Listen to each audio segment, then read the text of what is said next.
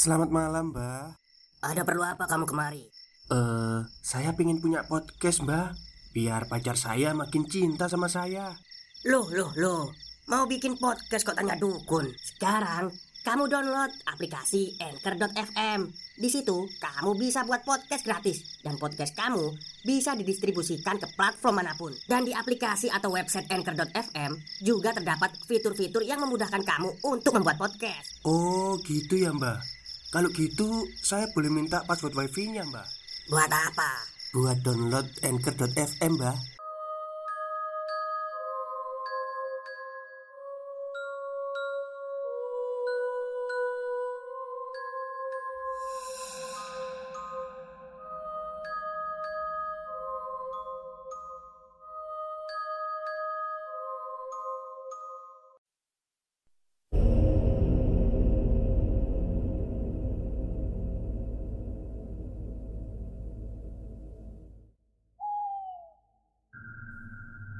Assalamualaikum warahmatullahi wabarakatuh.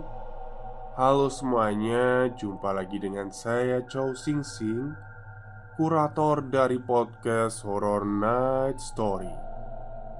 Halo apa kabar semuanya? Semoga kalian semua sehat-sehat ya.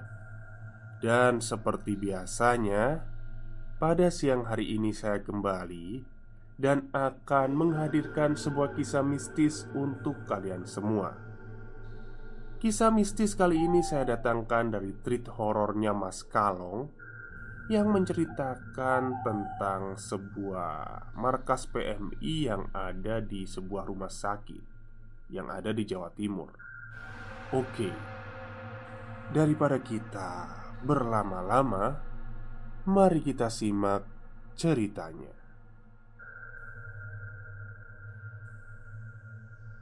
Gluduk Suaranya lebih keras. Seolah Sosok di dalam itu mau keluar dari ambulan. Tiba-tiba Ada sentuhan di pundak. Rasanya dingin. Sampai mau nafas saja susah.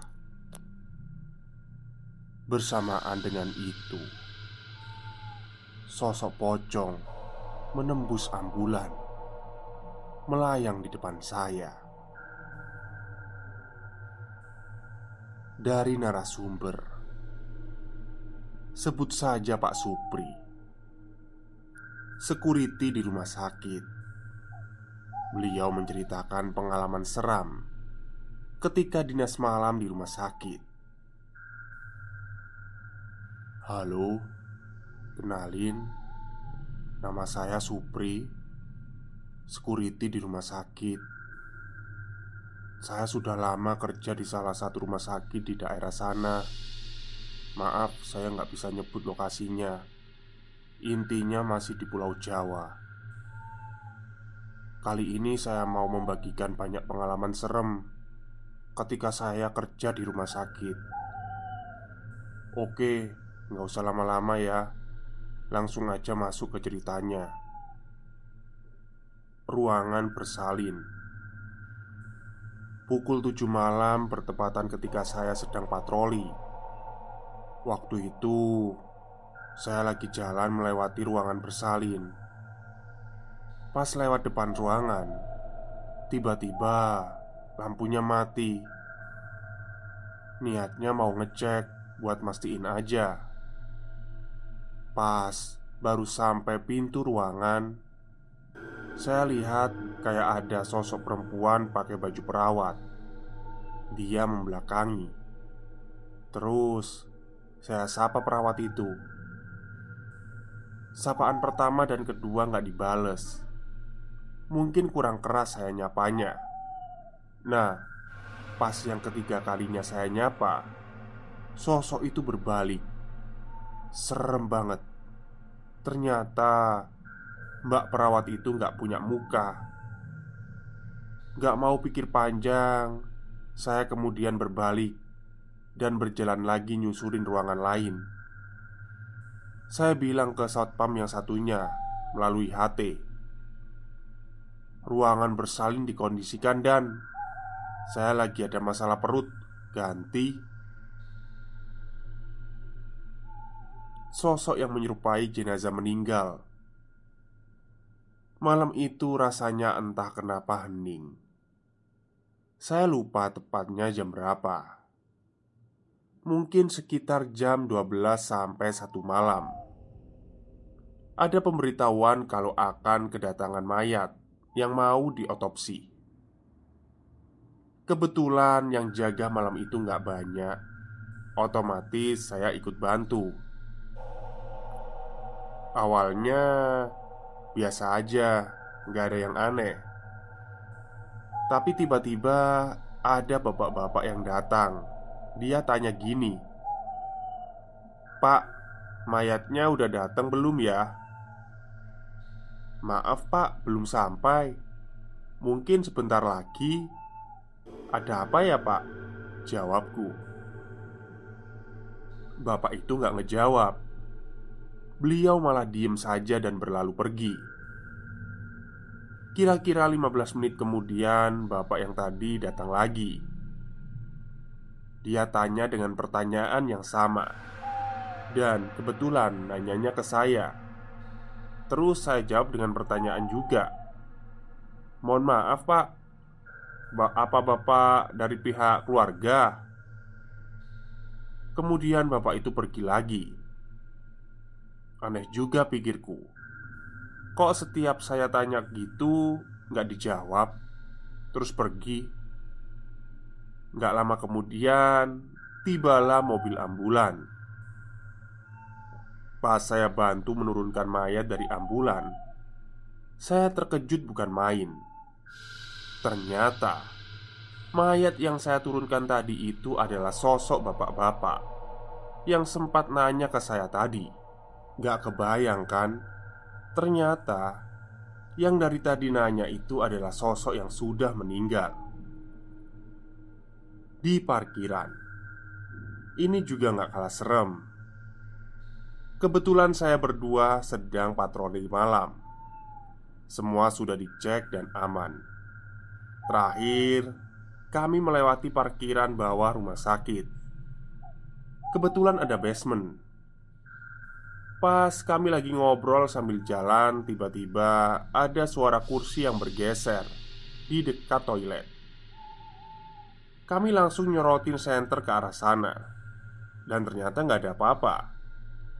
Tapi lagi-lagi suara kursi itu bergeser lagi.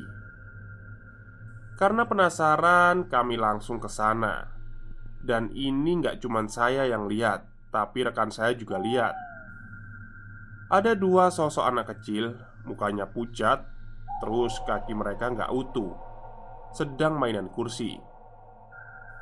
Jadi kursinya itu ditarik-tarik gitu. Ya, karena mental kami ini di bawah rata-rata, akhirnya kami berdua lari menuju pos depan. Sungguh benar-benar menguji mental. Akhirnya karena kejadian itu khusus saya pribadi sudah terbiasa Cerita selanjutnya. Lift rawat inap. Nah Lift ini cukup unik juga. Lift tersebut terpasang pada sebuah gedung instalasi rawat inap di rumah sakit ini. Uniknya ketika dini hari lift ini akan jalan sendiri mampir ke basement. Dan ini bersebelahan sama toilet. Pas saya sama rekan saya Lihat anak kecil tadi mainan bangku kosong. Tapi nggak sampai muncul sosok sih sebenarnya. Cuma liftnya bisa jalan sendiri aja Padahal nggak ada yang naik.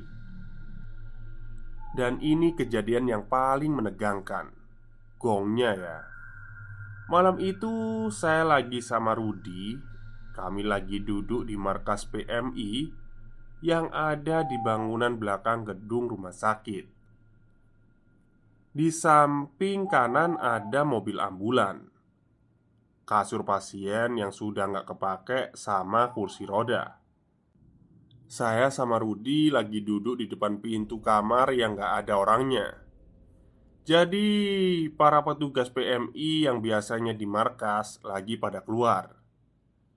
Kami lagi dim-diman sibuk dengan pikiran masing-masing Sampai kebisuan itu terpecahkan oleh si Rudi yang tiba-tiba saja menggeser kursinya mendekat ke arah saya. Eh, Pri, kamu ngerasa nggak? Saya noleh ke arah Rudi. Ngerasa apa, Rud? Kali ini si Rudi tambah mendekat. Ah, mosok sih, nggak ngerasa apa-apa kamu? Nah, saya tahu arah pembicaraan Rudi ini ke mana. Tapi dia lebih dulu nyerocos sebelum saya suruh untuk diem. Kok aku ngerasa kalau di dalam ambulan itu ada orang ya Pri Kata Rudi berbisik.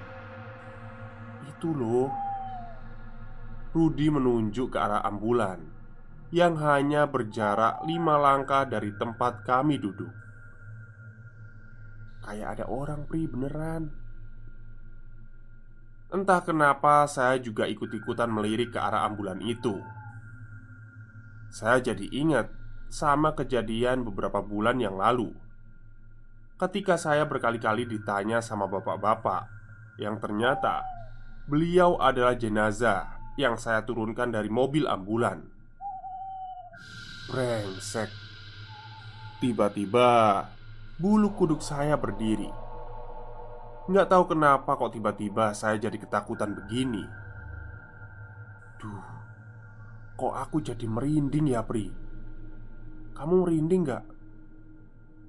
Rudi anjen bangsat. Aku sudah nggak tahan lagi. Perasaan takut campur capek Ditambah harus dengar Rudi terus-terusan ngoceh. Membuat saya habis kesabaran saya langsung noyo Rudi Biar dia tahu rasa. Tapi Sebelum tangan saya mengenai kepalanya Tiba-tiba Geduk. Bajingan Pri Suara apa iku? Saya juga dengar masalahnya. Makanya kamu diem aja. Dari tadi kok Gibahin demit Gluduk Suara itu terdengar lagi. Kali ini saya benar-benar tercekam. Keringat dingin. Kayak ada benda yang jatuh dari dalam ambulan. Tapi pertanyaannya siapa yang iseng malam-malam begini? Pri Itu siapa Pri? Aku juga nggak tahu blok saya nggak berani ngelihat ke arah ambulan. Pandanganku nyerong ke kiri biar nggak lihat ambulan itu. Rasanya mau lari dan pergi dari tempat itu. Tapi kok kayak ada yang nahan. Pokoknya serba bingung lah. Gimana ini Pri? Gimana apanya Ruth? Iki loh, kakiku nggak bisa digerakkan. Desisku pada Rudi kami sama-sama panik. Sampai suara itu terdengar kembali Untuk yang ketiga kalinya Dengan suara yang keras. Gluduk, gluduk, gluduk. Pokoknya Detik itu juga saya emosi Karena Rudi tiba-tiba bangkit Dan berlari ninggalin saya sendiri Di markas PMI dengan sosok yang ada di dalam ambulan itu. Tubuh saya benar-benar kaku, nggak bisa digerakin. Gemeteran, mau teriak minta tolong aja susah minta ampun. Rasanya ingin pingsan, tapi nggak bisa. Saya terjebak dalam kondisi yang menyebalkan. Gluduk, gluduk. Kali ini suaranya lebih keras lagi Seolah sosok yang ada di dalam itu mau keluar dari ambulan. Tiba-tiba saja ada sentuhan di pundak saya. Rasanya dingin banget Sampai saya kayak susah nafas. Dengan bersamaan itu Sesosok pocong menembus ambulan Melayang Di depan saya. Celana saya sudah basah saya pipis di celana saking takutnya. Dan entah ada semburan apa Kaki saya akhirnya bisa digerakin. Dan Sekonyong-konyong saya berlari meninggalkan markas PMI Dengan segala kengeriannya. Dalam hati Saya cuma bisa misuh-misuh. Dan itu adalah terakhir kali saya Ditakut-takutin sama setan Stop, stop. Kita break sebentar. Jadi gimana? Kalian pengen punya podcast seperti saya? Jangan pakai dukun, pakai Anchor. Download sekarang juga. Gratis. Setelah itu seiring berjalannya waktu mental saya sudah kuat Kalaupun ada yang nampakin diri Sekarang saya sudah berani buat ngajakin mereka ngopi bareng tapi saya nggak ada yang mau. Terlepas dari itu semua Kalian mau percaya atau enggak ya terserah ya. Mungkin bisa ditanyakan kepada teman-teman kalian Yang jadi security rumah sakit. Gimana sih rasanya kalau dapat jatah dinas malam? Atau teman kalian yang jadi perawat atau dokter di rumah sakit? Saya pastikan kok kalau mereka pasti pernah ngalamin seperti ini Setidaknya satu kali. Hehehe. Baik, itulah cerita singkat dari Mas Kalong Dari narasumbernya Mas Supri ya. Jadi dalam cerita ini ada beberapa bagian. Jadi ada yang di kejadiannya di lift Ada yang kejadiannya di uh, kamar bersalin Kayak gitu ya dan yang paling ekstrim ya di markas PMI-nya Baik, mungkin itu saja cerita untuk siang hari ini. Semoga kalian semua terhibur. Selamat siang dan selamat beristirahat